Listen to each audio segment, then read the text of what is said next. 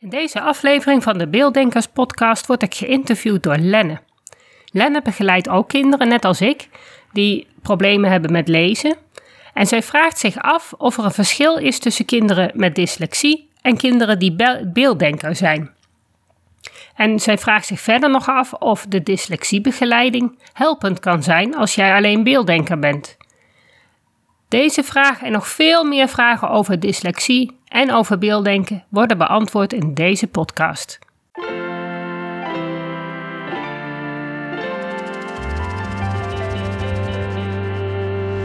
Welkom bij de Beelddenkers podcast. Ik ben Natasja Esmeijer van Beeldig Brein en de schrijfster van het boek Beelddenkers als kwartjes vallen. Ik neem jullie mee in de wereld van de beelddenkers. Beelddenkers zijn creatieve, intelligente en zorgzame mensen, maar ze hebben moeite met onze vluchtige, snelle maatschappij. Dat begint al op school en het werkt door in het werkende leven. Ik ga in gesprek met leerkrachten, ouders van beelddenkers en met de beelddenkers zelf natuurlijk.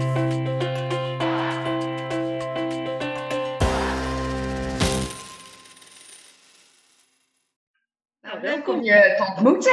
Bijzonder. Ja, dank je. Leuk. Ik vind het ook leuk dat jij uh, deze vraag stelde. Nou, het is heel grappig. Ik heb jou uh, een keer, ik was toen bij uh, die leermiddelenbeurs in Apeldoorn en toen zag je daar op je boek te signeren. En ik heb een hele poos gewacht, maar mensen voor mij bleven heel lang met je praten. Toen dacht ik, nou ja, laat maar. Ja. En toen liep ik in de bibliotheek en ik ga altijd zonder titels, ga ik even kijken. Toen zag ik jouw boekje en denk ja, nu moet ik het toch gaan lezen. En toen ben ik het zelf gaan kopen en ik denk, het is echt mijn favoriete boek. Niet om te slijmen, maar het is serieus. Oh, nou fijn. Daar, daar heb ik het ook eigenlijk voor geschreven. Want ja, ik, ik miste het zelf ook.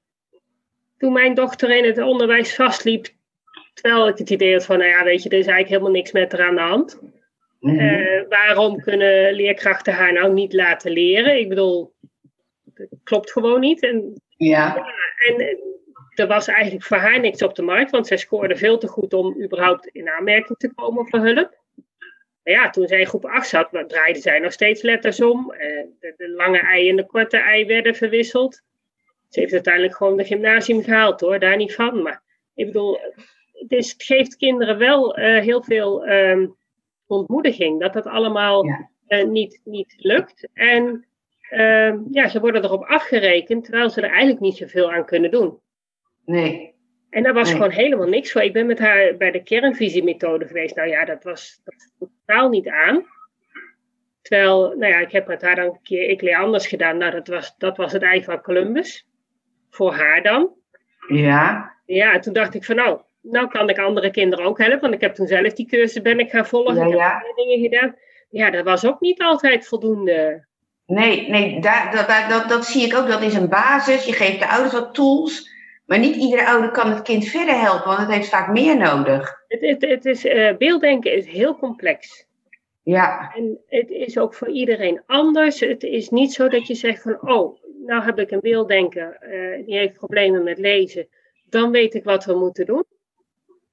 Ze zijn echt, ze hebben, ja, de ene is heel gevoelig, de andere helemaal niet. Of weinig. En, ja. Ja, en het heeft ook allemaal met elkaar te maken. Ja, dat, dat is ook door jouw boek, dat het is een manier van zijn. Ja. Het is niet alleen een manier van leren, het is een manier van denken, een manier van zijn. Ja, het is gewoon heel complex. En dat kon ik eigenlijk nergens terugvinden. Nee, nee, klopt. bij mij, dat kwartje is bij mij eigenlijk gevallen toen ik de cursus um, uh, begrijp en begeleid hooggevoelige kinderen heb gedaan. Wel, wat zei jij? Dus, wat zei je?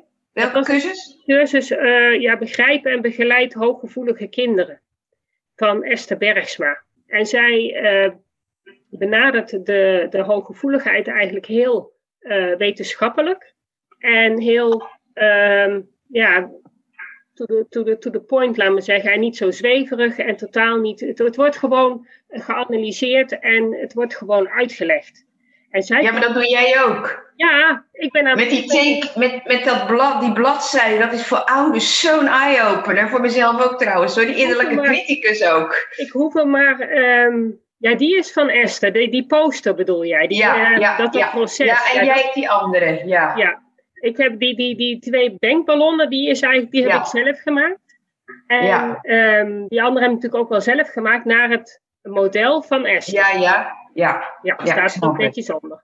ja. En, maar ja, ik vond dat echt, dat was toen zij dat uitlegde. Toen, ik heb dat toen gelijk diezelfde week nog kunnen gebruiken bij een jongen van 13. Hij was echt van, van het een op het andere moment had hij weer zelfvertrouwen. En hij, Ja. hij snapte eindelijk eh, waarom hij anders dacht dan andere kinderen. Ja, ik heb het inderdaad, na jouw boek heb ik het ook gedaan. Maar ook bij een meisje van eh, eerste klas middelbare school. Die kwam thuis, mam, nu snap ik mezelf. Ja, en dat is wat ik zo vaak meemaak. Van, ze, ze horen aan de ene kant, oh ja, je bent dyslectisch. Of je, nou ja, je bent, ze, ze hebben zelf het idee dat ze dom zijn, dat het allemaal niet lukt. Ja, En op school hameren ze maar op, je moet automatiseren. Je Ja. moet, eh, het gaat allemaal niet goed. Terwijl zij gewoon denken en leren gewoon helemaal anders. En als ze Ja. dat eenmaal weten, want ze zitten ook vaak heel erg in dat stuk hooggevoeligheid, het aanpassen, het, ehm, ja, het, het, het- eigenlijk het groepsgevoel denken. Terwijl als ze eenmaal weten dat anderen dat ook niet doen, dan valt er een hele last van ze af. Ze hebben ineens het door dat, ze, dat zij ook niet altijd zo hoeven te denken. Ja, en dat noemde je ook in je boek volgens mij als tip van leerkrachten. Bespreek eerst eens dat er verschillende manieren van leren zijn in de klas. Ga, ga dat wel eens met elkaar. Ja, dat Ja, ik ook wel een goeie. Ja, dat, dat- dat- ik weet niet of ze het gaan doen, maar het, het, het- ja, weet je, je moet van jezelf gewoon weten dat de manier waarop jij leert, dat dat ook prima is. Ja, Maar het probleem bij, eh, met leerkrachten is dat zij op de PABO eh, dit allemaal niet te horen krijgen. Wel horen van beelddenken. Nou ja, voor hun is beelddenken nog eh, denken in plaatjes en in beelden. En daar blijft het een beetje bij. Terwijl dat beelddenken is zo complex. Als je dat niet allemaal weet, dan weet je als leerkracht ook niet hoe je deze kinderen kan laten leren. En dan heb je dus nog steeds het idee van, oh, je moet eerst de sommen tot en met 20 automatiseren voordat je de moeilijke sommen kan doen. Terwijl deze kinderen juist eerst die moeilijke sommen moeten zien, voordat ze met makkelijke sommen aan de gang kunnen. Ja. En dan, dan krijg je een kind dat ze willen laten blijven zitten, omdat hij ehm, nog niet kan automatiseren. Ja, dit kind kan volgend jaar ook nog steeds niet automatiseren. Zolang het kind het rekenen goed beheerst, het, de spelling goed beheerst en, en gewoon goed, kan goed genoeg kan lezen, ja, laat hij dan lekker doorgaan naar groep 5. Dat heeft, Ja. wat, wat kan het daar nog leren in groep 4? ja. ja, wat Ja. is het rendement om te laten zitten? Helemaal niks. Want het gaat niet goed automatiseren. Nee, daarom. Dus Dat dat, duurt dat, dat, dat- dat duurt nog een paar jaar voordat dat lukt. Als het überhaupt gaat lukken. Dus Ja, die, dat, dat is gewoon zo jammer dat het onderwijs daar niet voor open staat om te, be- ja, achter te komen hoe deze kinderen denken en leren. Nou dat zeg ik ook, want dan kijk ik vaak van ouders, ja, de leerkracht zegt, ik heb niet veel met beelddenken. Ik zeg, joh, Ja. ze hebben geen kennis van het beelddenken. Nee. Dat moet ze gewoon eerlijk zeggen. Dat, Ja. dat is het hele verhaal. Ja, en dat en geeft dan- niet, dat had ik ook niet. nee, ik ook niet. Tien Nee, jaar dus geleden, niet. nou ja, inmiddels twaalf Maar jaar geleden. Ik had er nooit van gehoord. Nee, ik dacht gewoon inderdaad, je hebt wat meer plaatjes nodig. Ja, ja maar dat is het algemene beeld van eh, Ja. Ja, wat is beelddenken? Ja, meer plaatjes dan, dan. Terwijl juist plaatjes, zeker in bijvoorbeeld een rekenboek, alleen maar verschrikkelijk afleiden. Heel erg afleiden. Ja, Ja, want het eerste wat ze doen is, ze gaan naar die som en ze lezen het verhaaltje ook. Maar dat is allemaal niet eerlijk. Ja, maar dat kan eigenlijk zo niet. Ze, zijn, ze gaan al zo op in dat verhaaltje, dat er helemaal geen ruimte meer is voor, voor de sommetjes. ja. En dat is ook iets, ze zijn zo intuïtief en zo aan het associëren. ja, ja. Ja, Dat, we, dat we de, de manier waarop ze het nu eigenlijk proberen goed te doen, alleen maar averechts werkt. Hm. Omdat ze niet begrepen hebben wat beelddenkers nodig hebben. Nou, en ook gewoon in het onderwijs niet de tijd hebben om te luisteren naar wat een kind zegt, hoe het leert, hoe het wil. Er is gewoon geen tijd voor om, om goed te communiceren met het kind. Dat Nee. vind ik in mijn praktijk één op één. Dat, dat doet wonderen. Het kind Ja. wil gehoord en gezien worden. En toch Dat is al de helft. als leerkracht ook hoor. Als jij als leerkracht weet hoe de diverse kinderen in elkaar steken, dan hebben ze aan één half woord genoeg. Dan Ja. is het tijd zat om het gewoon te doen. Maar dan Ja. zul je toch wel in je lesprogramma moeten inbouwen dat je ook dat stuk begrijpen meeneemt. Ja, Maar je zult eerst moeten weten hoe gewoon 20% van de kinderen. We hebben het niet over één of twee kinderen. Het zijn geen kinderen die een of andere enge ziekte hebben. Waarvan je er één op de ene school eh, tegenkomt. Het zijn er gewoon heel veel. Dus en ook meer kinderen zijn erbij gebaat bij die aanpak. Je hoeft niet per se beelddenker te zijn. Dat vond ik ook goed in jouw boek. Het is gewoon, Ja. de leerkracht moet een omschakeling maken hoe die dingen aanbiedt. Al dat brainstormen al. eh, noem maar op. Je moet gewoon even, er moet een knop om. Ja, dat je van en dat wordt geheel langzaam wel gedaan. Eh, ik weet dat de mensen die nu van de PABO komen, al, dat al wel meekrijgen.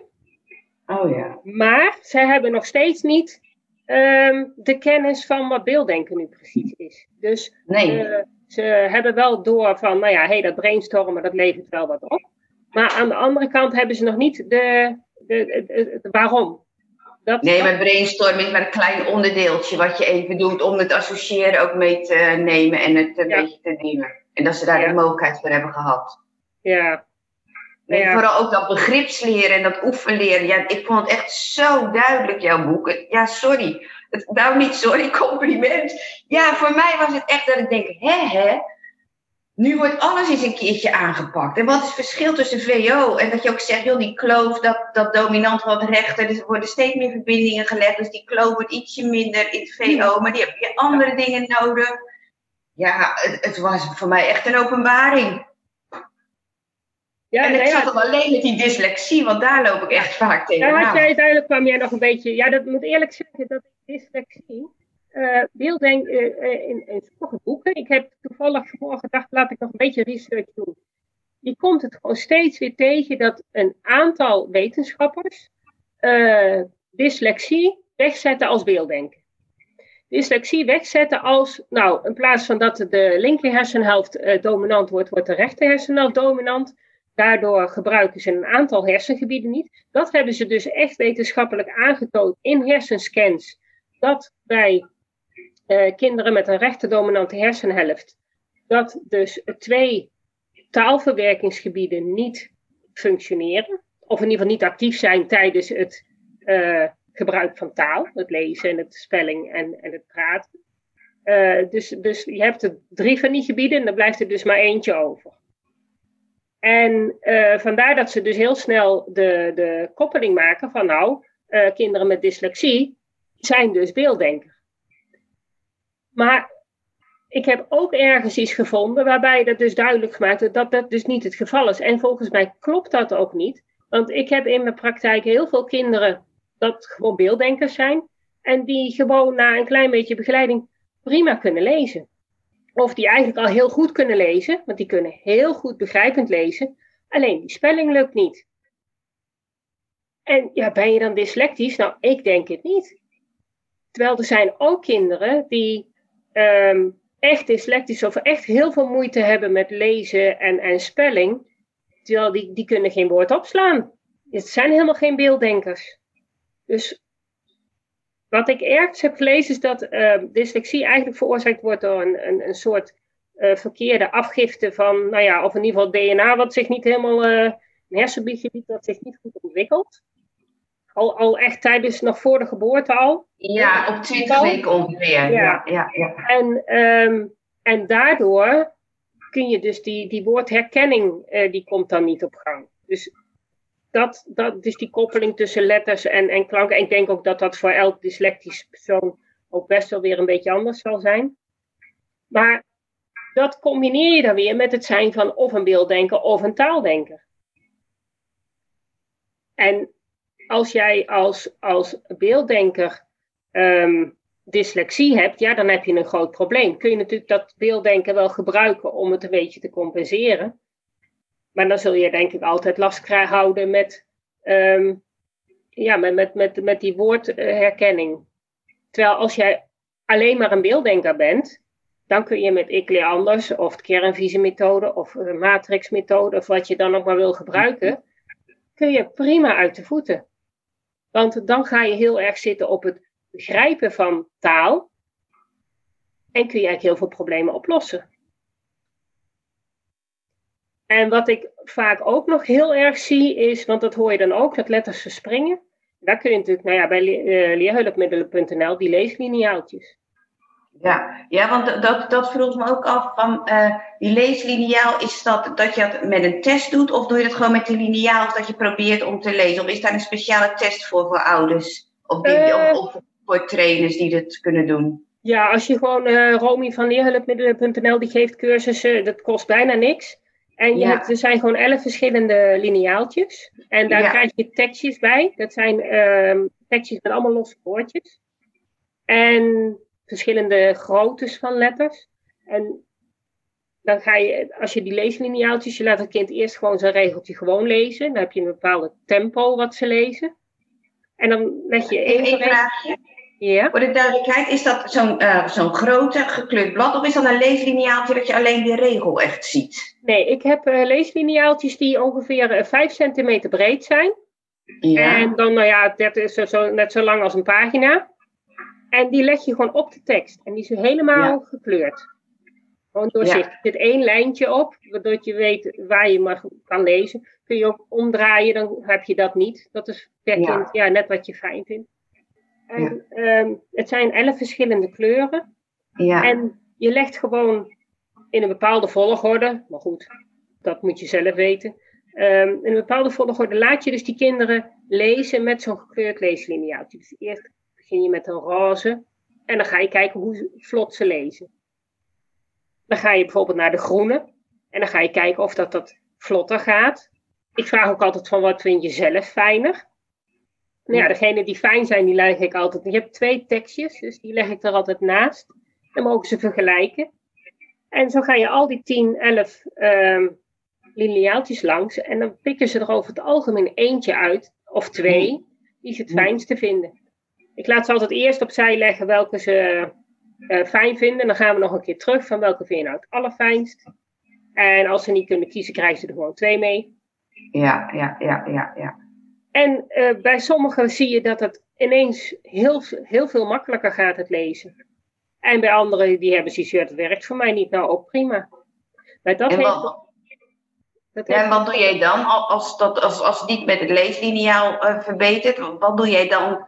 Uh, wat geef je dan voor advies voor een kind om beter te leren lezen? Ja, dan toch die woordbeelden opslaan. Ja.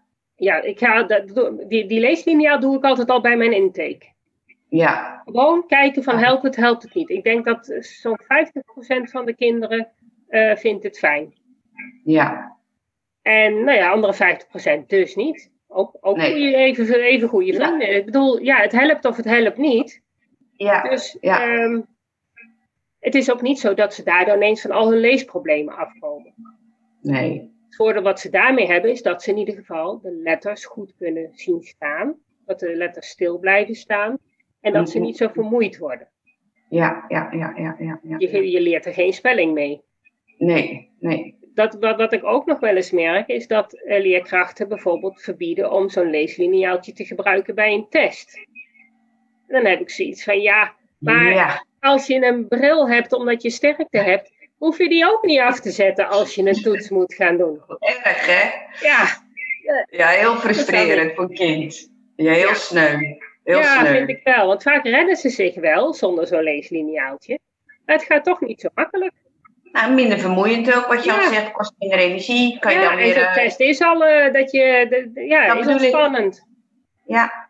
Ja, dus, uh, maar goed, als, als een kind, um, want ik heb ze ook op de middelbare school gezien. Sommige ouders uh, die, die kopen gewoon zo'n heel compleet setje. En het kind draagt gewoon altijd een heel setje met zich mee. En die zoekt gewoon op de plek uit welke hij het fijnste vindt. Heb ik ook oh, al ja. gezien. Ja. ja.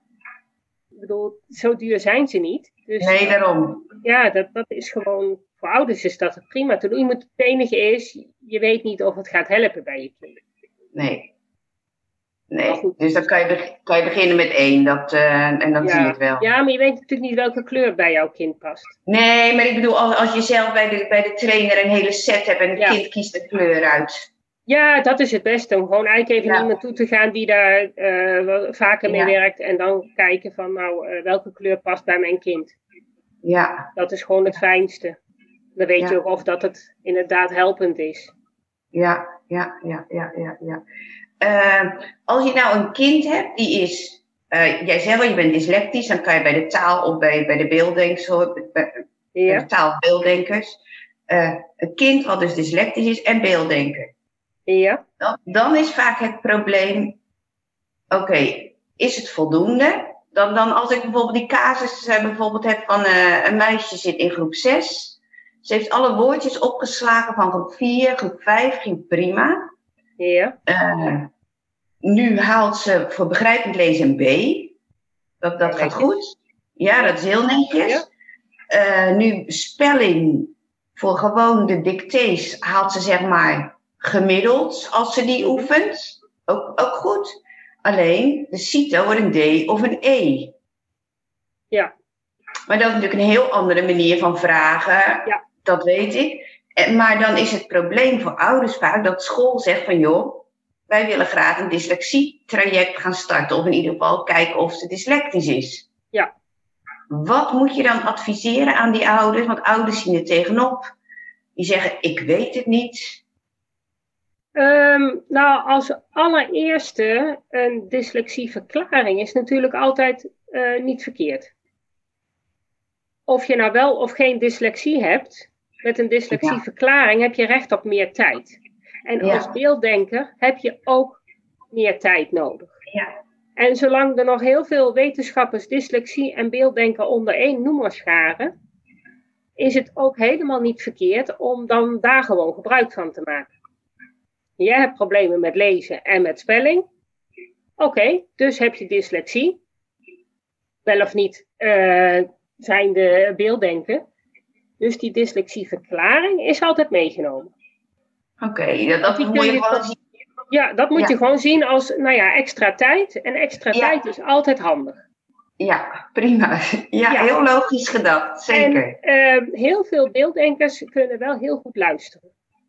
Dus als je met jouw dyslexieverklaring um, bijvoorbeeld met een Daisy-speler kan werken of met uh, voorleesapparatuur, want dat wordt op de middelbare school ook veel gedaan.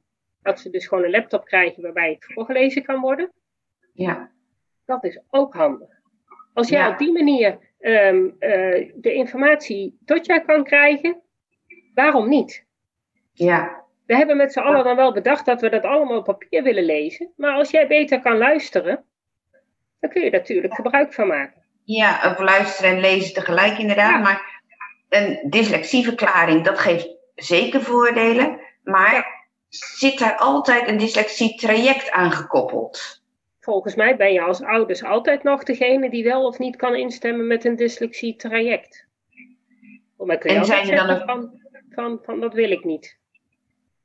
Ja, maar uh, zijn dan ook nog verschillende dyslexie-trajecten? Dat de ene meer, of is dat per kind ook weer verschillend? Ik denk dat dat per school verschillend is. Want een school heeft vaak zo'n schil om zich heen. Ja. Waar dus een bepaald bureau aan vastzit dat dyslexie begeleiding geeft. En volgens mij, nou heb ik daar verder niet super veel verstand van, maar uh, je hebt uh, verschillende manieren waarop je dyslexie kan aanpakken. Ik denk dat het heel erg helpend is als degene die de dyslexiebegeleiding geeft, dus ook verstand heeft van beelddenken. Wat niet altijd het geval is. Ik denk dat de beste rondlopen die dat wel hebben. Maar zodra ze met flitsen gaan beginnen, uh, dan wil dat niet altijd helpend zijn. Nee. Kinderen die uh, inderdaad taaldenker zijn en dyslexie hebben, daar zal het denk ik juist heel goed werken. Want er zijn ook kinderen die dat wel fijn vinden. Dus het is niet zo dat ik zeg dat is niet goed. Maar als jij vanuit het beelddenken echt um, problemen hebt, dan gaat dat flitsen over het algemeen alleen maar frustratie opleveren. Dan moet je echt gaan zitten op het begrijpen. En één hele goede methode is dan taal in blokjes. Want taal in blokjes, dat werkt, dat haalt eigenlijk de, de woorden uit elkaar, die ontleedt ze en geeft dat verschillende kleuren, waardoor er duidelijkheid ontstaat. En daar hoor ik ook wel goede verhalen van. Dat kinderen op die manier wel um, in ieder geval de basis van het spellen onder de knie krijgen. Maar ik heb ook regelmatig in mijn praktijk kinderen die echt de klankgroepen bijvoorbeeld niet horen. Nee, dan denk ik wel dat je echt inderdaad te maken hebt met echte dyslexie. Als je echt niet hoort, ja, weet ik trouwens ook niet zeker hoor. Eh, maar ik heb ook kinderen die, dan zeg je ja, paard, is dat met een D of met een T? Zeg, nou dan maak je er toch paarden van. Dat horen ze niet. Ze nee, maar ook zeker dat, dat bakker niet bakken. Dat er een korte klank is. Terwijl die alle klanken, hij, hij weet precies wat een lange en een korte klank is. Maar hij hoort het echt niet. Nee, nee dat klopt. Maar denk jij dan, dan eerder aan dyslexie of juist beelddenken? Dat hij het van het woord beeld moet hebben? Ehm, ik denk als ze het echt niet horen, dat je dan toch wel kan spreken van dyslexie, denk ik. Want ehm, een beelddenker, ja, die hoort eerder te veel. Als oh, jij heel hooggevoelig bent, dan hoor je natuurlijk eerder te veel klanken, waardoor je niet ehm, genoeg letters hebt om al die klanken te uh, neer te zetten. Wat een beelddenker vaak doet, is juist fonetisch spellen. Ja. Die spelt, ja, want die hoort kijkt wat hij hoort. Zolang hij dat woord beeld niet heeft, maar dan hoort hij juist wel de klanken. Nou, als jij echt niet hoort, heb ik het idee dat het vooral zit in, in, in dat toch een stuk dyslexie. Terwijl diegene juist nu, uh, nu, nu die, die methode van beelddenken gebruikt en de online trainen, supergoeie resultaten haalt met alle dictées. Ja, maar ja, dan heeft hij toch dat woordbeeld ook nodig. En is dat zijn manier om inderdaad toch uh, de, die, die connectie waarschijnlijk te maken? Misschien had hij dat nodig om, om die klank te kunnen koppelen. Ja. Het blijft wel heel lastig om dat uit te zoeken, want dat is inderdaad van wie stelt nu vast het is een beelddenker, wie stelt nu vast het is een dyslect. Ja, de, wie, wie stelt vast wie een dyslect is? Dat is volgens mij een orthopedagoog of een, of een psycholoog. Ja. Het probleem is dat deze twee uh, beroepsgroepen natuurlijk niet direct verstand hebben van beelddenken. Nee. Ik mag aannemen dat ze er wel van gehoord hebben. En er zullen er ongetwijfeld bij zitten die het wel weten. Maar ik denk niet dat dat in de opleiding uh, voor, voorkomt. Dus jij zegt eigenlijk, als je een kind hebt die als beelddenker bij jou is gekomen in je praktijk. Mhm. En school zegt op een gegeven moment, joh, wij denken toch aan dyslexie dan is het heel verstandig dat, dat ze iemand hebben die van beide verstand heeft. Ja, en wat ik vaak tegen ouders zeg is: kom eerst een paar keer bij mij, dan leer ik ze iets anders, of nou ja, in ieder geval woordbeelden opslaan. En ga dan naar die dyslexietraining, want dan kun je namelijk jouw sterke kant gebruiken om daar maximaal profijt van te, uit te halen. Want bij dyslexie leggen ze natuurlijk wel één op één alle spellingsregels uit. En ze gaan wel één op één met zo'n kind aan het oefenen. Dus als het kind dan eerst die beelddenktechniek beheerst, kan die daarna optimaal profijt halen uit die één op één begeleiding. Want het is. Ja, want het een, het een spreekt het ander niet tegen. Jij zegt het is gewoon belangrijk dat ze elkaar aanvullen. Ja. Dat is van belang. En dat, niet, dat je niet een, een dyslexiebehandelaar hebt want die ken ik ook inderdaad. Die zeggen, ja, beelddenken, nou ja, die plaatjes. Wel, als jij de, de, de kernvisiemethode erop naslaat. En ik heb vanmorgen weer een, een wetenschappelijk artikel gelezen. Die stellen dus dat alle mensen met dyslexie beelddenker zijn. Ja. Wat dus in mijn ogen ook weer te kort door de bocht is. Maar ik denk dat heel veel dyslexie aanvragen niet als dyslexie als, als oorzaak hebben, maar beelddenken als oorzaak hebben.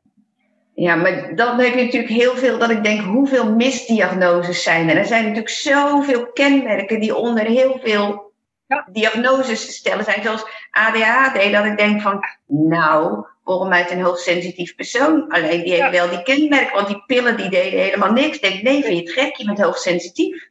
Ja, ja, maar dat is, en dat is het probleem in DSM. Je kan autistisch zijn, je kan ASS hebben, je kan ADHD ehm, hebben. Dan hebben we nog wel DCD en ODC en uh, TOS.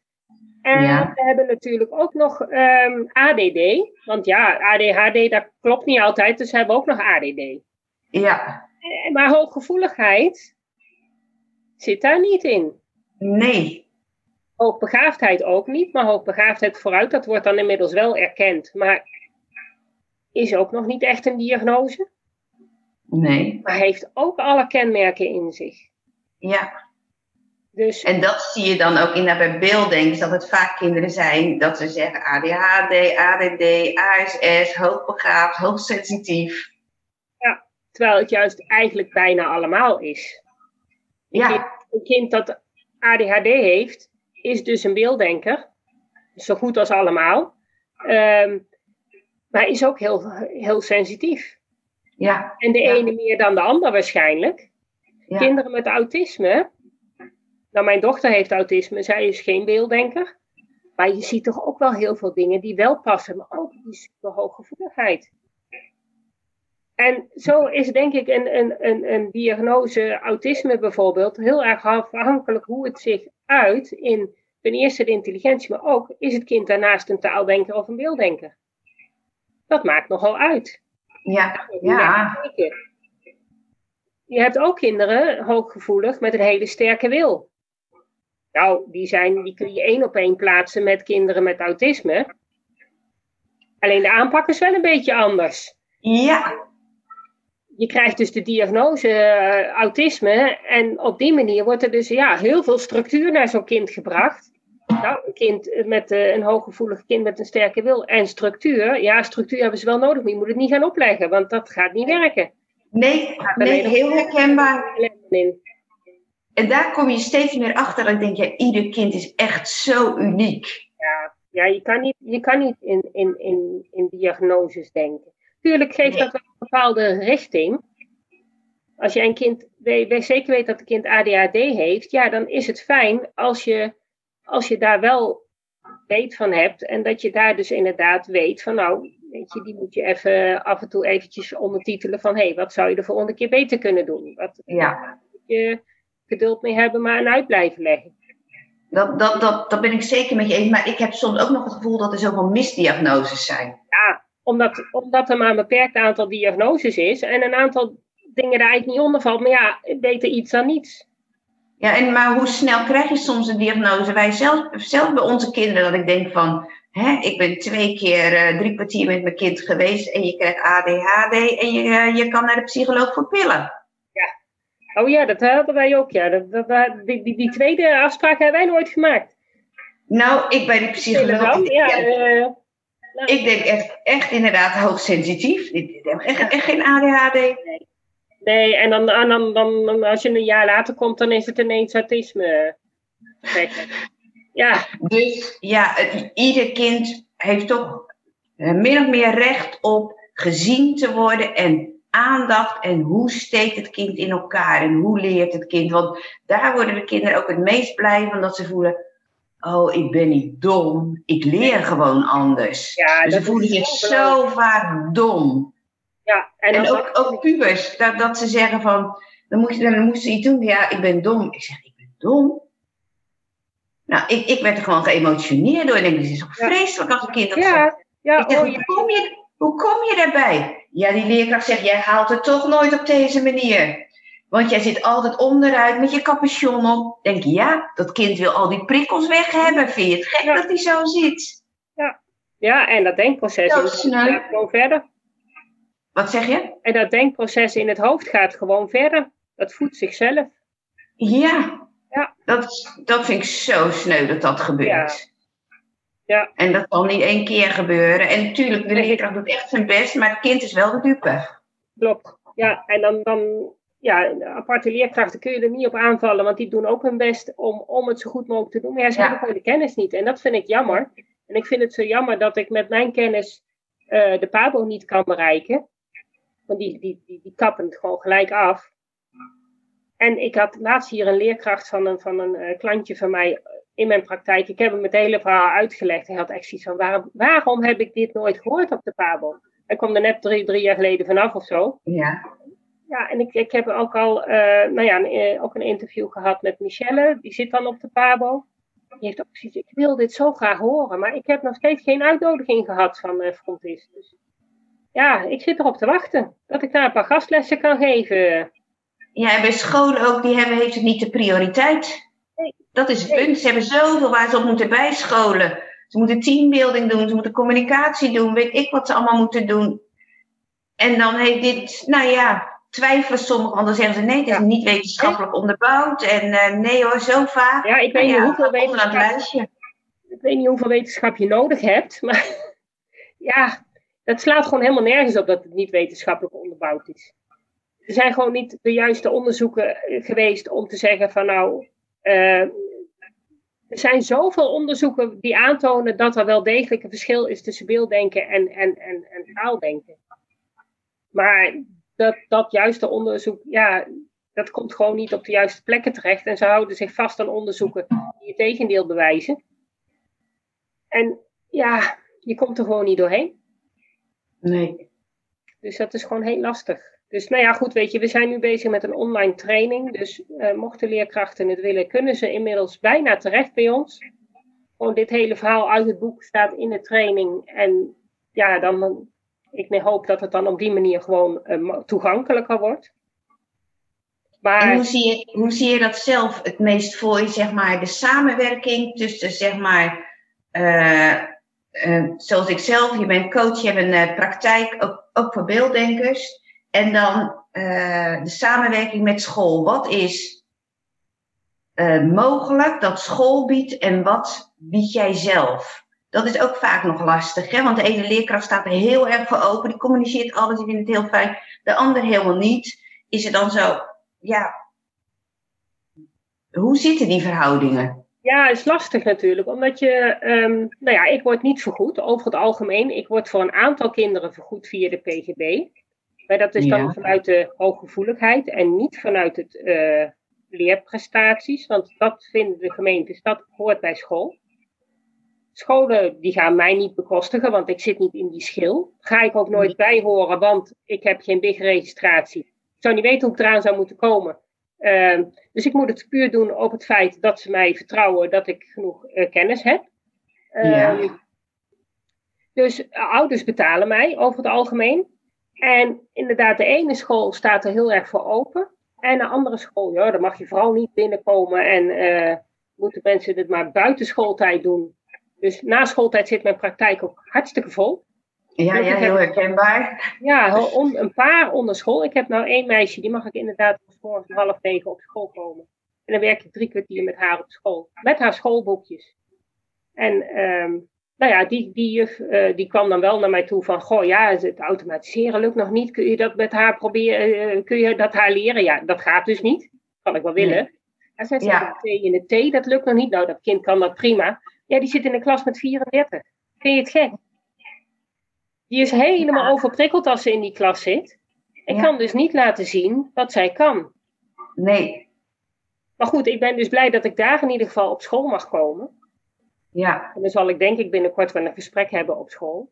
En dus ik werk zo, met sommige scholen werk ik wel samen met de juf. Dat ik inderdaad hoor van, goh, nou hier lopen ze op school tegenaan. Maar uh, de kennisoverdracht um, blijft lastig. Ja, zeker in ja. deze tijd natuurlijk van corona. Ze hebben al heel veel aan hun hoofd met alle lessen ja. anders inplannen. En, um, dus dat helpt natuurlijk ook niet. Maar jouw samenwerking is wel dusdanig dat leerkrachten zeggen van dit is het probleem, kun jij daaraan werken? Die samenwerking is ja. wel. Is er niet altijd hoor. Dat, dat is net wat, uh, wat ouders willen en inderdaad wat school wil en hoe lang mijn traject duurt. Kijk, ik heb kinderen die hier twee, drie, vier keer komen en dan gewoon weer zelf verder gaan. Maar ik heb ook kinderen die hier uh, wekelijks komen. Ja, ja dat is ook een ga ik met school ja, dan ga ik wel met school overleg van, ja, zolang school mij niet eh, betaalt, heb ik wel zoiets. Ik doe wel mijn eigen ding, wat ik ja. belangrijk vind. Ja. En um, kijk, zodra school mij gaat betalen, vind ik prima. Dan wil ik wel uh, precies doen wat ze zeggen. Maar uh, zolang dat niet het geval is, trek ik mijn eigen plan. Ja, ja. En wat is het verschil voor jou, zeg maar, als jij een leerling aangemeld krijgt die al op het voortgezet onderwijs zit? Uh, wat is jouw aanpak? Dan neem ik aan dat jij niet, of doe je dat wel, uh, een deel van de ik leer anders training? Of zeg je van, nou, voor middelbare scholieren ga ik toch meer aan de slag. Hoe leer jij? Hoe leer jij je woordjes? Hoe leer jij teksten op die manier, wiskunde? Ja, dat ligt er een beetje aan. Um, ik krijg natuurlijk uh, leerlingen van ver weg. Die komen dan één keer, dan komen ze een hele middag. En dan leg ik vooral uit van hoe zij denken, hoe anders zij denken. Nou ja, dat hele uh, denkproces, uh, zelfvertrouwen geven. Uh, nou ja, ook meestal komen dan de rest van de familieleden ook mee, of in ieder geval een gedeelte. En dan gaan we ook kijken van, nou ja, hoe zit het met de rest? Zijn vader en moeder ook beelddenken? Herkennen ze die zich daarin? Dus dan geef ik meer informatie. En dan is het vooral van uitzoeken van, nou ja, wat, wat, wat zijn je mogelijkheden? Uh, heel veel jongeren die komen bij mij gewoon, als ze dichterbij wonen, die komen gewoon elke week. Doen we huiswerkbegeleiding. Ja. En dat doen we dan een half jaar of een jaar, net zolang ze willen. En dan gaan we gewoon samen huiswerk maken. Nou ja, ik, ik ben natuurlijk geen docent, dus ik heb van al die vakken niet zo. Ik weet het ook allemaal niet. Maar goed, dan, eh, dan laat ik het hun uitleggen. Of we zoeken het samen uit. En op die manier merk ik dat ze dus heel erg vertrouwen krijgen in zichzelf. Uh, weten dat ik het ook niet altijd weet. Ja. Ik ben natuurlijk wel handiger in uh, hoe je zo'n opdracht moet lezen. En dus dat kan ik ze dan op wijzen. Dus gaan we inderdaad samen een mindmap maken of een tijdlijn. Of, ja. Nou ja, gewoon helemaal uitzoeken van hoe zij inderdaad beter voor een toets kunnen leren. Of voor een, uh, of gewoon huiswerk kunnen maken. Ja, ja. En gaandeweg krijgen ze dus ook inzicht in het hooggevoeligheid en ja, hoe andere leerlingen denken. En dat geeft vaak ook heel veel vertrouwen. En ik heb, het grappige is dat ik dus een aantal van die, van die leerlingen, die komen er gewoon, nou zijn ze op een gegeven moment klaar bij mij, want dan kunnen ze het zelf wel weer. En dan komen ze na een jaar of zo, komen ze nog een keer terug. Of ja, mag ik nog een keer langskomen. Ja. Ik vind dat zo leuk.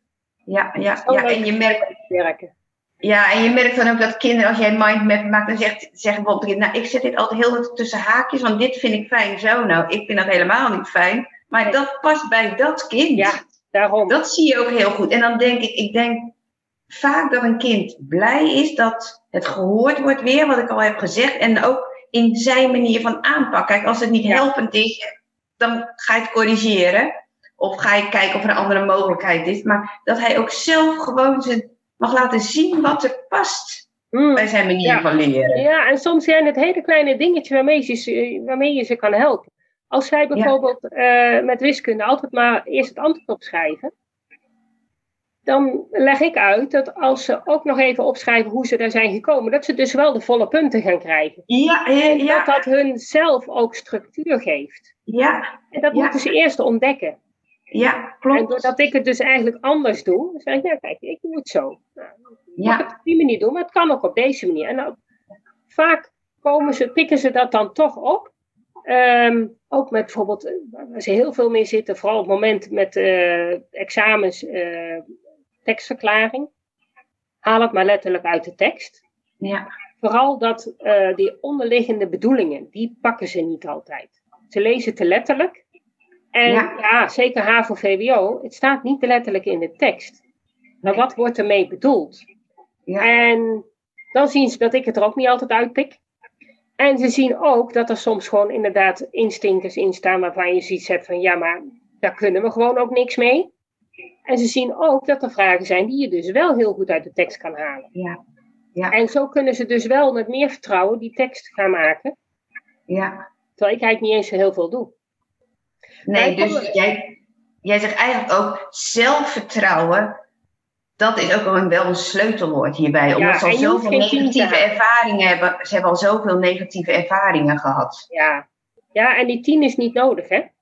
Nee, als zij weten van hé, hey, er zitten gewoon een paar vragen in die ik waarschijnlijk niet ga halen, maar ik kan me wel focussen op die andere vragen, dan weten ze dat er misschien maximaal een 8 in zit, maar dat ze die 8 wel kunnen halen. Ja, ja. ja. Anders blijven ze veel te lang hangen op vragen die gewoon niet bij hun passen. En ja, dat, dat helpt ook niet. Maar ik wou nog heel even terugkomen op jouw allereerste vraag. Van wat doe jij met, uh, of ik ook de Ik leer anders methode of andere uh, ja. methodes gebruik? Uh, meestal wel.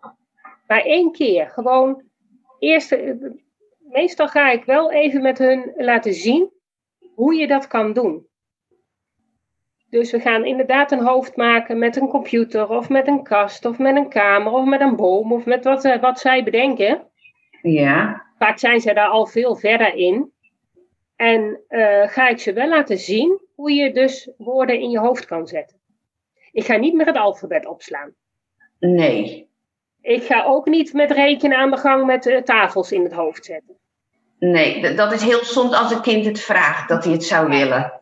Ik doe dat trouwens bij jongere kinderen ook vaak niet hoor. Met het rekenen ga ik veel meer aan de gang met het honderdveld en uh, laten zien dat wij het steeds maar tot tien tellen en echt het rekenbegrip.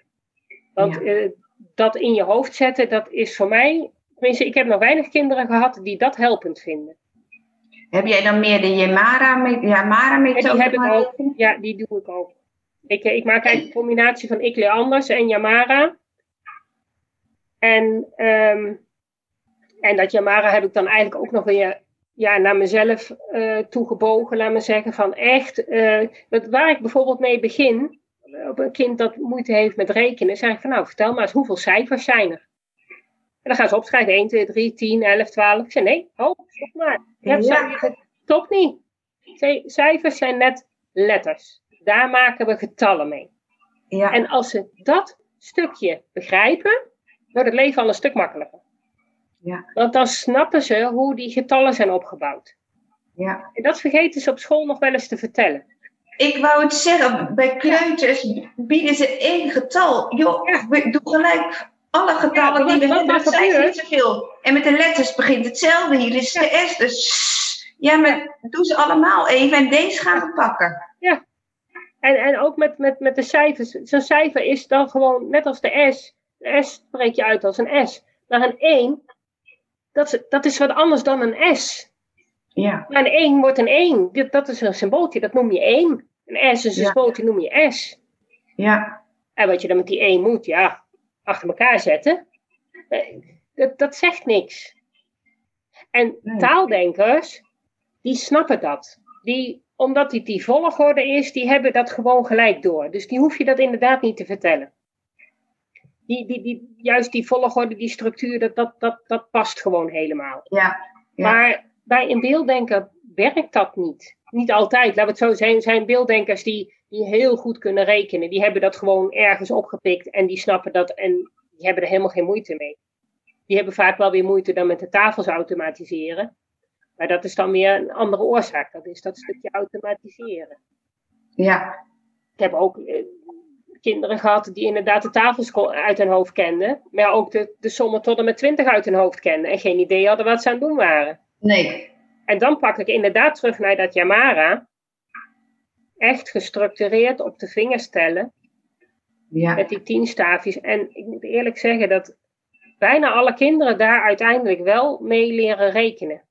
Ja. En vervolgens heb je het probleem dat dus al die sommen verpakt zitten in verhaaltjes.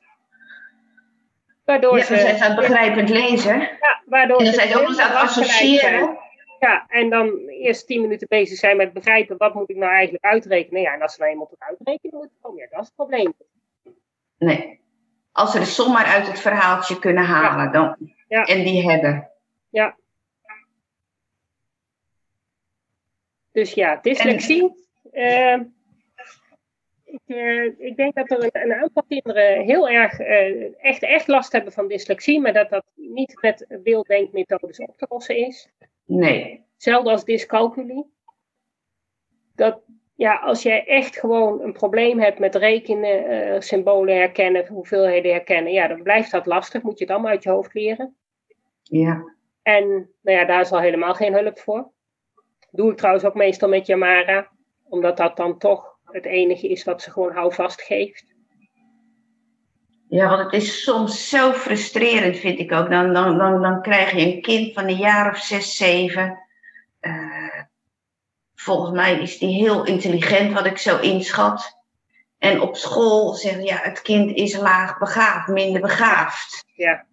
En dan zegt het kind tegen mij, zes, zeven, ik ben uh, op school onkruid en thuis een bloemetje. Ja, och. Volgens mij ben je dan niet minder begaafd. Nee, nee. Als jij zo spreekt. Maar het kind nee, komt niet tot zo stuk gemaakt. Die zijn al zo helemaal van overtuigd zelf dat ze het toch niet kunnen. Ja. Zo, ja. zo snel. En echt al die symbolen, het begrijpt het niet. Nee. nee en, als je, en als het kind één keer begrijpt, wil het ook niet meer oefenen, want het begrijpt het. Ja. Ja, en dat is ook iets wat, wat, wat leerkrachten moeten doorkrijgen, is dat als je met Beelddenkers, ja, ben je langer bezig met dat stuk begrip. Je moet er veel meer bij halen. Het heeft, dat heeft langer de tijd nodig. Maar als ze het eenmaal begrijpen, ja, dan zijn ze klaar. Tuurlijk moeten ze dat nog best wel een paar keer oefenen. Want als ze het één keer hebben begrepen, wil niet zeggen dat ze het voor altijd hebben begrepen. Nee. Dus wat ik dan zeg van nou, weet je, elke keer als er twintig sommen langskomen, maak jij er vijf. Ja. Maar geen twintig. Nee, want daar ziet het kind totaal het nut niet van in het doel niet. Dus niet gemotiveerd, dat, dat, dat, dat heeft Nou, geen als je effect. ze uitlegt van, nou ja, weet je, je hebt het nu begrepen. Ik wil dat je elke keer even laat zien dat je het nog steeds begrijpt. Ja. Dan willen ze dat best wel. Dan zijn ze gemotiveerd, want dan Ja. heeft het een doel. Ja. Om, om te laten zien dat je het begrijpt. Ja, maar niet twintig keer. Want ze zijn vaak best langer bezig met een som. Want zij kunnen niet vaak zo vlot ineens het antwoord zien. Dus nou ja, met die vijf sommen zijn ze best nog even bezig. Ja. Maar dan hebben ze ook weer de techniek weer helemaal begrepen. En dan is het ook gewoon, gewoon goed. En blijf daar niet hangen, heel groep 4 met 20 plus 30. Nee, als ze dat eenmaal snappen, dan, hoef je, dan moeten de sommen moeilijker worden. Ja. En wat ik ook heel veel doe, is met kinderen, ook uit groep 4, echt al over die 100 rekenen. Dat ze echt doorkrijgen van dat het niet ophoudt bij deze sommen. En pas als ze die moeilijke sommen, ook met kinderen die wel inderdaad een laag IQ hebben, die krijg je met het aanbieden van moeilijke sommen wel zover dat ze ook die makkelijke sommen gaan snappen. Maar als je maar blijft hangen in die makkelijke sommen, komen ze nooit verder. Die Nee. gaan ze, die gaan ze nooit zo vlot eh, uit kunnen rekenen dat jij vindt dat het goed genoeg is. Nee. En gewoon doorgaan, dan krijgen ze ook zelfvertrouwen van. Olifantensommen gewoon onder elkaar gaan zetten. Want zeker Ja. een kind dat niet zo, niet zo heel veel intelligentie heeft, die loopt helemaal vast op al die tussenstapjes, al die getallenlijnen, al die eh, moeilijke manieren om eh, sommen uit te rekenen. Terwijl onder elkaar vinden ze vaak helemaal niet zo moeilijk. Nee. En wat ik heel vaak doe, dan zet ik ze eerst onder elkaar Ja. en daarna zet ik ze weer achter elkaar. En dan zeg ik van kijk, het is eigenlijk hetzelfde. Oh, wat. Maar op dat school ik nooit. Ja. Want op school, dan gaan ze ook van die boogjes eronder zetten. Ja. De eenheden bij elkaar, dan de tientallen bij elkaar, dan ga je het weer optellen. Het is natuurlijk hetzelfde als dat je doet als ze onder elkaar zet. Ja. Terwijl onder elkaar veel duidelijker is. Ja. Terwijl als je dat dan weer omdraait, het hele proces, dan snappen ze ook wat je bedoelt met, ehm, met die boogjes. En dan Ja. snap je ook dat je dan moet splitsen.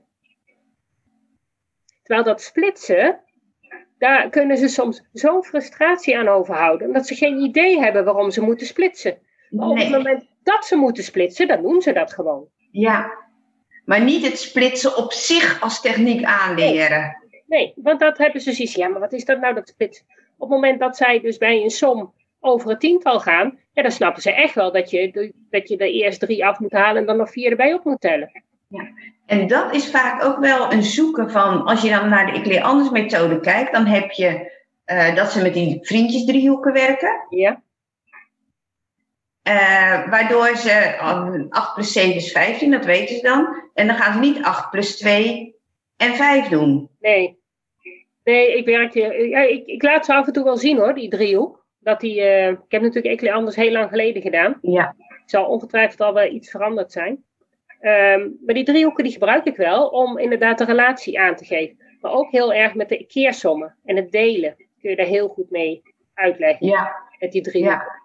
Maar het is niet zo, zo dat, dat een kind alleen met die driehoeken rekent. Het moet toch uiteindelijk gaan splitsen. Ik ga rekenen doe ik altijd op begrip en niet op eh, dingen in je hoofd zetten. Nee, nee. Ik zeg hooguit van nou weet je, je kan het 100 veld in je hoofd zetten, dan kun je daarop rekenen. Of eh, je zet het 100 veld tot en met 20 en dan zet je alle getallen van, van de tafel 2, die, zet je de, die laat je highlighten Ja. of zo. Dat Ja. van mij, maar het, ehm, verder gebruik ik daar Ikle anders niet echt voor. Terwijl ik voor de rest Ikle anders perfecte methode vind hoor. Nee, daar gaat, daar gaat het niet om. En misschien bij een enkel kind dat, dat dat wel werkt met die vriendjes driehoeken, maar bij ook heel veel kinderen niet. Nee. En ook, het wordt in de methode ook toch altijd anders gebruikt. En dat is ook een beetje frustrerend voor de kinderen. Ja. Ja, en je moet ook even kijken wat voor methodes ze hebben. De ene methode moeten ze heel Ja. veel kale sommen maken. En de andere methode zitten ze allemaal verpakt in een eh, verhaaltje. Ja, Dus Ja. dan is het ook soms helpend om eerst alle vragen van bepaalde soorten maken, zodat ze gaten hebben wat ze moeten doen. Anders zijn ze zo lang bezig met het uitvinden wat nou precies de bedoeling is. Ja, dan zijn ze niet aan het rekenen. Nee, daarom. Nee, en dat is wel wat je op dat moment eigenlijk probeert aan te leren. Natuurlijk ja. ik dat je ook wel daar een, een soort context aan wil geven. Maar die context is soms heel erg afleidend. Ja, dat zien ze voor zich en ze associëren en, en zij denken... En het is niet eerlijk of het kan niet. Ja. En dan gaan ze daarmee nog, aan de haal. Moeten nog kinderen in de bus? Ja. ja, maar er kunnen toch wel drie kinderen op één bank, niet twee. Dat past makkelijk met kinderen. Ja, dat kan ja. prima. Maar ja, dus ik leer ze ook altijd nee, je hebt deze gegevens en daar moet je het mee doen. En verder niks erbij bedenken. Ja, want dat is echt. Uh, en ook, ook als ze nog wat ouder zijn, hè, ook op de middelbare school nog, hebben ze daar nog heel sterk last van. Dat ze echt nog, uh, ook met zo'n tekst, heel veel dingen erbij halen. Van ja, maar dat is toch niet eerlijk en dat kan niet. En ja, maar dat zou ik zo oplossen. Ja, nee, je moet het doen met wat deze meneer bedacht heeft, of deze mevrouw. En dat staat er. Dat is waar we het antwoord uithalen. Ja, dat is altijd met begrijpend lezen. Dat, dat het voor kinderen eerst moeten leren. Oh, staat dat echt in de tekst? Ja. Dat is echt, dat, dat, hebben ze nooit bedacht. Ze doen het antwoord wat zij denken, wat toch wel ongeveer zo is. Ja, ja. Ja, ja, ja, terwijl ze vaak heel goed kunnen begrijpend lezen. Want hardop lezen is heel wat anders dan in je hoofd lezen. Ja, ja. En dat is ook weer een mevrouw die zegt tegen mij van joh, uh, school zit toch te twijfelen om, om, mijn zoon te laten zitten. Het kan prima meekomen, maar het leesproces komt niet snel genoeg op gang. Hij leest nog niet voldoende. Nou ja, dat komt echt nog wel hoor.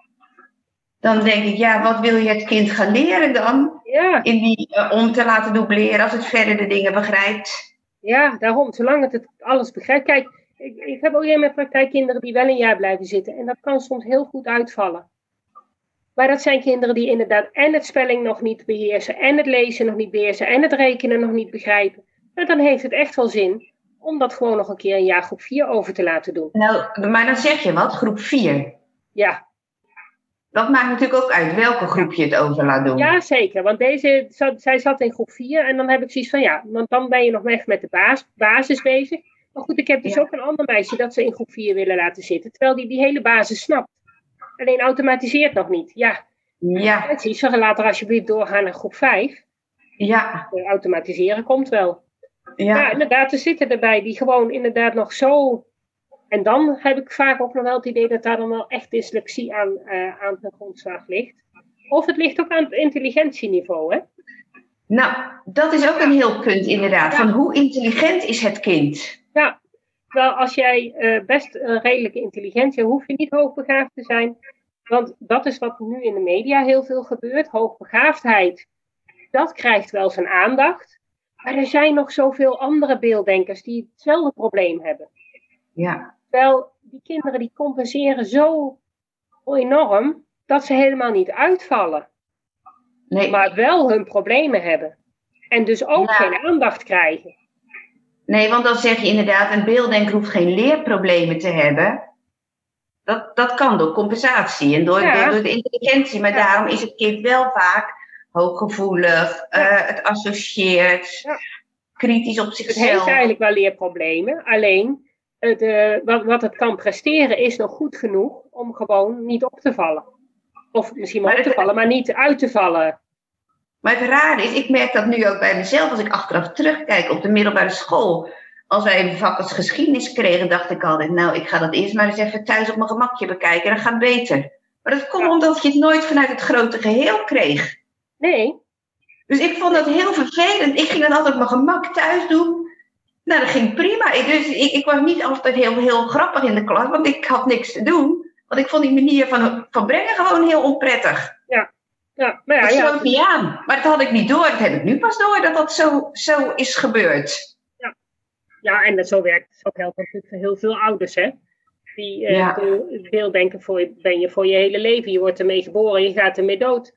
Ja. Ja, het is niet iets wat. Het is alleen hoe ouder je wordt, hoe beter je hersenhelften samenwerken. Waardoor je toch meer toegang krijgt tot structuren en zo. Ik vind het wel een, een, rijk leven. Ik vind het een, mooi, een mooi iets. Als ik voor mezelf Ja, kijk. Dat ik dat denk hoor van ik ja, vaak. je Maar- leeft heel intens.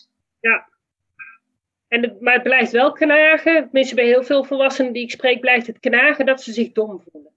En dat ze op school, dat het allemaal zo moeizaam ging. En dat blijft Ja. ook hangen, dat gevoel. Ja, dat, dat had ik niet. Dus dat, dat scheelt natuurlijk. Ja. Ja. dat maakt heel veel uit. Zo niet alles. Ja. Ja, daar ben ik zeker van overtuigd. Ja. Maar als, als we dus samenvatten, dan zeg je van beelddenken, dyslexie gaan vaak samen. Eh, ja, dat, dat was mijn vraag inderdaad. Wie stelt wat vast? Dat hadden we van, eh, zeg maar, dyslexie werd vastgesteld door een orthopedagoog of een psycholoog. Ja. Beelddenken is vaak, jij doet het zelf door beelddenken testen? Nee, ik, ik, krijg, ik krijg gewoon een intake en alleen al door gewoon hoe, hoe Ja. leer jij. Nou, weet je wat ik altijd doe? Ik pak eh, dat, dat, dat schemaatje van mij en dat leg ik zo neer. En meestal gebeurt er dan van, van, vanzelf al wel dat ze. Ik ga gewoon uitleggen wat, hoe denkt een linkerbrein, hoe denkt een rechterbrein. En dan ga ik daarna, mogen ze van mij kiezen wat past bij jou. Ja, En daarna ga ik vragen, goh, zie je ook veel beelden in je hoofd? En eh, hoe, hoe gebeurt het als je s'avonds in je bed ligt en je denkt terug aan dingen of als je een boek leest? En zo haal ik dat eruit. ja, ja. En dan zeggen ze zelf wel, ja maar mama, zo maak ik mijn sommen. En dan Ja. wijzen ze vooral naar het associëren en begrijpen en intuïtie en zo. Ja, ja, ja. en dan krijg je ja. dat stukje perfectionisme. Ja, daar herkennen Ja. ze zich ook wel in. Maar ook al gewoon eh, van hoe heb je leren fietsen? Ja, dat, dat zegt natuurlijk ook heel veel, hè? Daarom, dus die, zi- al die punten bij elkaar ja, Ja. maken dat ik daar verder geen test meer voor nodig heb. Nee, omdat jij de overview hebt. Ja, Ja, je weet, je weet gewoon de punten en je, en je proeft gewoon als dingen, kinderen dingen zeggen, antwoorden geven, hoe ze leren of hoe, hoe ze leven. Dan denk je, oh, bingo, ja daar zit hij, daar zit hij, En de een is heel gevoelig en de ander is dat helemaal niet. En eh, ze zijn allemaal anders. En Ja. Dan, ja, dan ligt het er een beetje aan hoe oud die kinderen zijn. Maar anders dan ga ik ook nog in op dat hooggevoelig denkproces. Nou, dan zie je ze helemaal ontspannen. Hm. Ja, dus ja, mijn intake duurt altijd iets langer dan een uur over het algemeen. Dat Ja. meestal niet. Maar Nee, daarna gaan ze wel naar huis met, een, eh, ja, met heel veel eh, kennis.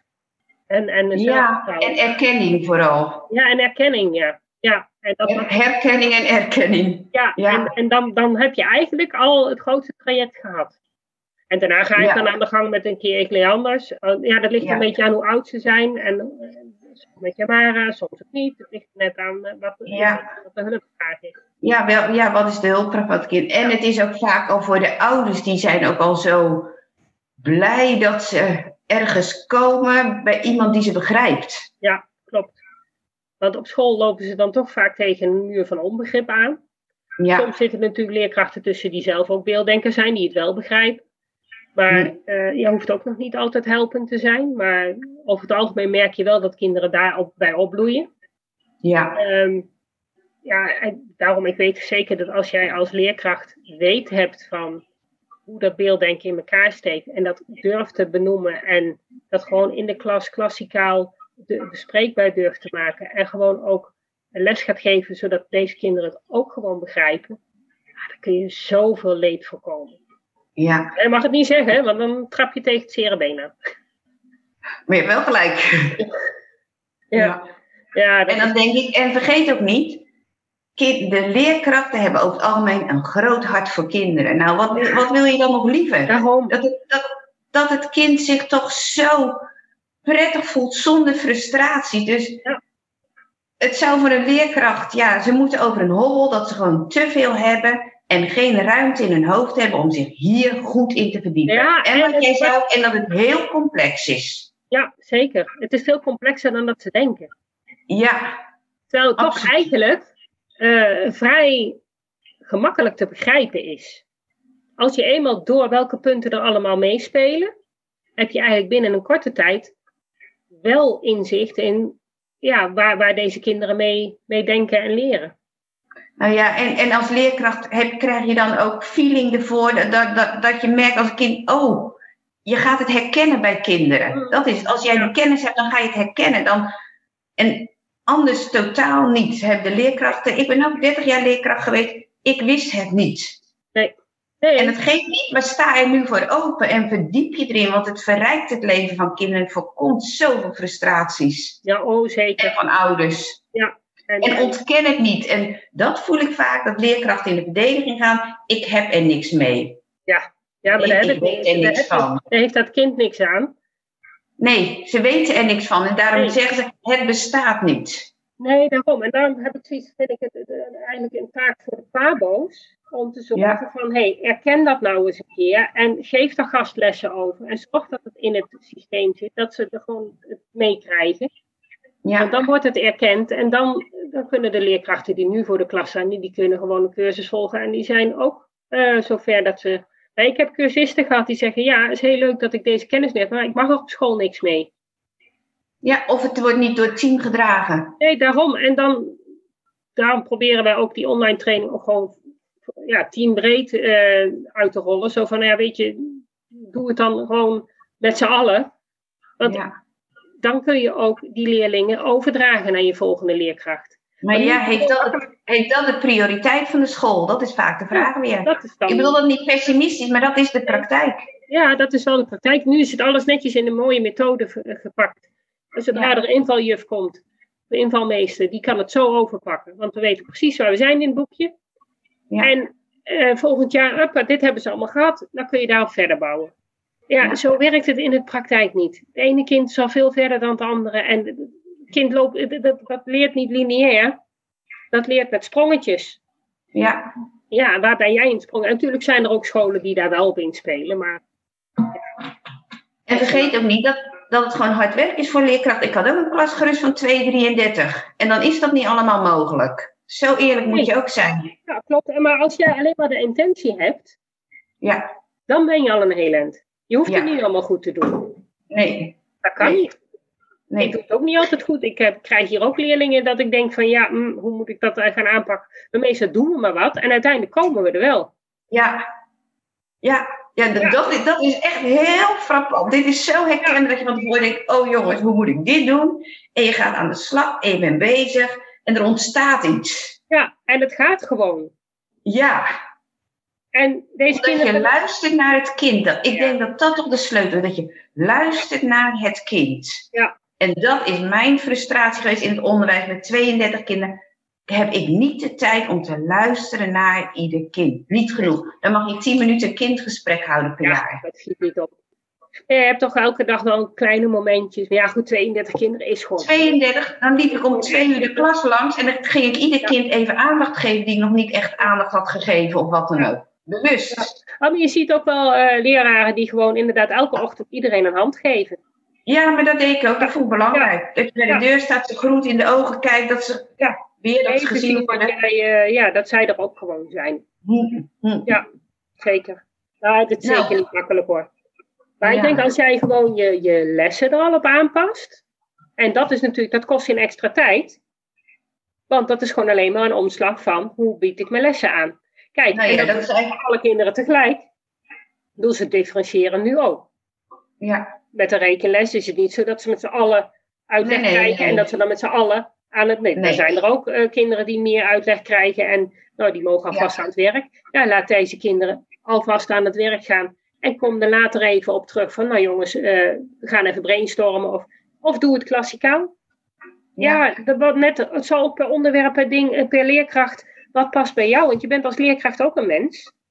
Maar wat jij zegt, doe het zo. Het is wel echt een omslag in het denken van de leerkrachten. Ja. Dat moet je echt bewerken. Een omslag ja, ze moeten, in het denken met het team. Ja. En dat, dat, dat daar draagvlak voor is. Ja, ze moeten doorkrijgen dat er gewoon 20% van de leerlingen, dus op een school met 200 leerlingen zijn dat er 40. Veel. Dat die gewoon echt eerst moeten begrijpen voordat ze kunnen automatiseren, voordat ze kunnen, kunnen leren. En als jij dat gewoon vanaf de kleuterklas zorgt dat dat stukje begrijpen ook in alle lessen zit ingebouwd, dan heb je al veel minder problemen. Ja. Wat nog wel, ik denk nog wel dat je ook per, per kind eh, even die afstemming nodig hebt. Ja, in elke klas zitten er een paar. Dus, nou ja, en je moet ergens beginnen. Je moet ergens beginnen. Als leerkrachten daar alleen al mee beginnen, dan is het beginnen. Ja, daarom, als we alleen al beginnen met uh, begrijpen hoe beelddenkers anders denken en leren. Ja. Als je, als je dat weet, dan, dan ga je het automatisch wel goed doen. Nou ja, dat is het punt. Ja. Dus, dus het is eigenlijk niet dat ze ineens heel anders moeten gaan doen, maar er moet in hun hoofd Ja. moet er een omslag komen waardoor ze het gaan zien. En dan heb je en en- het een automatisch iets wordt. Ja, en dan heb je en de autisten, en de ADHD'ers, en de ADD'ers, en de dyslecten, en de kinderen met dyscalculie. Dat zijn er zoveel. Elke Ja. klas heeft er wel een paar. Die heb je allemaal al een stukje op weg geholpen. Ja, dus het zijn niet alleen de beelden, het is een heel grote groep die je bedient op dat moment. Ja, want weet je, niemand is alleen maar een beelddenker of alleen maar een taaldenker. Daar zitten ook weer allerlei mixvarianten in. Ja, Natuurlijk, je denkt voornamelijk in taal, maar ik ben, ik ben een taaldenker. Maar ik ben ook heel gevoelig. En dat was ik vroeger ook. Niet zo intens als een beelddenker. Want als jij gevoelig bent en je hebt ook nog dat beelddenkbrein, dan versterkt dat elkaar. Hm. Maar het is niet zo dat als jij dus een taaldenker bent, je helemaal niet gevoelig hoeft te zijn. nee. Die combinatie is er ook. En er zijn Ja. ongetwijfeld beelddenkers die juist wel heel gestructureerd bezig kunnen zijn. Dus het is altijd een mix. Ja, En, en, en labeltjes plakken heeft geen zin. Maar nee. zorgen dat je begrijpt wat voor soorten eh, manieren van leren er zijn, heeft wel zin. En dan kun je daar wel rekening mee houden. Nu Ja, is het puur echt dat oefenleren en, en, langzaam opbouwen. En er zijn zoveel kinderen niet mee gebaat. nee, dat zie je ook dat kinderen echt niet weten wat een lidwoord en dan een leidend voorwerp. Dat dat woordsoorten, zinsdelen zijn. Ja, maar als jij gewoon uitlegt wat een lidwoord is en dat gewoon echt van alles bijhaalt, lijkt me dat toch niet zo moeilijk. Ja, maar ook bied eerst alle voorzetsels, alle Ja. woordsoorten aan die er zijn. Dit zijn ze en wij gaan deze doen en we gaan die doen. Dit zijn alle zinsdelen. Dit zijn alle werkwoordsvormen en we gaan die doen. Kinderen krijgen alles per stukje in groep Ja. 4, 5, 6, 7. Ze weten echt niet je waar tegenwoordig hoort. staal, staaltaal, dan moeten ze bij overal een categorie bijschrijven. Nou, ik heb er een die is helemaal gek daarvan. Die heeft zoiets van, en welke categorie? Dan moet ik het er ook nog bij zetten. Die is alleen maar bezig met het bijschrijven van categorie. Die heeft geen idee meer wat ze aan het doen is. En ze kunnen die spellingsregels niet toepassen. Nee, En sommige beelddenkers hebben gewoon een heel beeld, een plaatje gemaakt van al die woorden en die categorieën. Die weten precies categorie 16b en alles, maar ze kunnen er niks mee. nee, want ja, het is een leren een trucje. Ja, Ja, en trucjes blijven niet hangen. nee, Zolang het niet je eigen trucje is, nee, nee. Moet Nou, eerst- dat, dat. gemaakt hebben. Ja, ze moeten zelf een trucje gemaakt hebben, dan kunnen ze het toepassen. Ja. Mooi. Ja, Ja. En doe jij ook nog veel met de kinderen voor toch eh, wat je ook de onderwijs zou kunnen doen en wat je zelf doet aan dat brain gym, om, de, om die, die hersenhelften toch meer verbinding te leggen? Dat je ook zegt, joh, daar kan je op school een slag mee maken, je kan er thuis een slag mee maken. Uh, Braingym doe ik inderdaad kruisloop en die liggende acht. Die pak ik ook altijd even met de intake, kijken of ze die liggende acht kunnen maken. Want sommigen maken daar een mooie krakeling van. Ja, dat, geeft, ook- dat geeft ook de ouders vaak inzicht van, hé, hey, eh, nou ja, er zit wel een verbinding aan. En sommige kinderen die hebben daar helemaal geen moeite mee. Ja, dan heeft het weinig zin om er verder op in te gaan. Hebben ze er wel moeite mee, ja, dan doe ik dat wel. ja. Als we krullen maken uit het boekje van, weet ze, Marijke van Vuren. Touwtjes, touwtjes springen, dyslexie en touwtjes springen. Ja, die ja. En vooral die krullen gebruik ik daar veel van. En dan sommigen die hebben er helemaal geen moeite mee. En sommigen die krijgen het echt niet voor elkaar om een andere kant op te draaien. Ja, dan Ja. ga ik dat wel oefenen. Ja, Ik denk dat ja, scholen, nou de scholen doen dat al wel een beetje. Hè? Met, met eh, schrijfdansen en zo. ja. Dat zit er ook wel in. Maar voor ouders is dat wel vaak toch een belasting om, om zo'n hele methode te gaan doen met zo'n eh, uh, meskenbord en, en, en dat. Dat hoeft voor mij ook niet hoor. Nee. Ik heb dat in het begin wel gedaan, maar de laatste tijd zet ik dat eigenlijk niet meer zo vaak in. Maar wel inderdaad de kruisloop en, ehm, en die liggende acht en dan de race acht. Dan moeten ze met twee, eh, twee handen. Ja, ja, ja, ja, ja, ja, ja, ja. ja. En dat zijn ook kleine dingen die je op school kunt doen. Ja, zeker gewoon Ja. als je een tekenbreek eh even tussen de, de verschillende lessen in. Ja. Op het digibord staat vaak ook wel van die beweegmomenten. Maar bewegend leren vind ik ook wel. Tenminste, ja. bewegend leren, je moet uh, bewegend leren niet te groot maken. Want heel veel kinderen vinden dan, die zijn dan zo gefocust op dat bewegen, dat het leren er ook niet meer bij inschiet. Maar even bewegen om weer eventjes uh, op gang te komen is wel heel belangrijk. Ja, maar dat is ook weer wat voor type kind heb je. Als je ADHD hebt, is dat ook weer vaak heel prettig. Het is net wat voor type kind het is. Ja, of een kind dat onderprikkeld is. Ja. ja. Daarom, je moet dat echt per kind even bekijken van wat... Uh, wat ja. Ja, ja, dat blijft het toch. Het blijft een, uh, geen labeltjes plakken en wel labeltjes plakken. Want je hebt ze nodig om in de goede richting te denken. Maar je moet vooral niet te star blijven denken van, oh, dan moeten we dit. En ja, en per kind kijken van wat uh, het beste is. Maar ja, en dat kan in een klas niet. Dus dan moet je toch zorgen dat je aanbiedt voor alle kinderen. Ja. Dan kunnen ze eruit pikken wat bij hun past. Nou, ja, absoluut. absoluut. Ja. Zullen we daarmee afsluiten? Nou, lijkt me heel mooi. Je hebt me echt uh, heel veel geholpen, vooral over de dyslexie en ja, hoe, hoe je het kind ziet, welke hulp het nodig heeft, wat jij kunt betekenen, wat school kan betekenen. En laten we zeggen, we hebben een passie voor het kind. Ja, ja toch? Nou, jij hartstikke bedankt voor jouw vragen. Nou, heel graag gedaan. Super bedankt dat je de tijd had uh, om dit allemaal te doen. Het is echt heel helpend. Nou, ja, ook om door te geven aan ouders. Heel fijn, dankjewel. Ja, nou. nou vrijdag komt hij online, dus kunnen ze luisteren. Nou, helemaal mooi. Dankjewel hè. Fijne dag. Doei. Dat was het weer voor vandaag. Bedankt voor het luisteren en superleuk dat je erbij was. Ik hoop dat je weer een beetje meer ontdekt hebt hoe gaaf, maar ook hoe lastig het kan zijn om een beelddenker te zijn in een wereld die is ingericht voor taaldenkers. Wil je meer weten? Lees dan mijn boek Beelddenkers als kwartjes vallen. Wil je op de hoogte gehouden worden van alle informatie die ik deel over beelddenkers in het onderwijs? Klik dan op de abonneerknop in je podcast-app. Wil je dat er meer mensen op de hoogte zijn van hoe beelddenkers anders denken? Laat dan een review achter, zodat er steeds meer mensen in beweging komen om het beelddenken serieus te nemen. Heb je nog tips of vragen? Of ben jij of je kind een beelddenker en wil jij je verhaal delen? Laat het me gerust weten.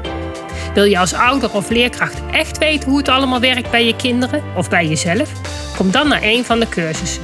Duik helemaal in het onderwerp en kom erachter dat beelddenkers helemaal niet zo anders zijn en best in ons onderwijssysteem passen, als je maar weet hoe ze denken. Ik geef speciale cursussen voor ouders en voor professionals. Voor meer informatie ga je naar www.natasjaesmeijer.nl. Samen gaan we voor een beelddenkvriendelijke wereld.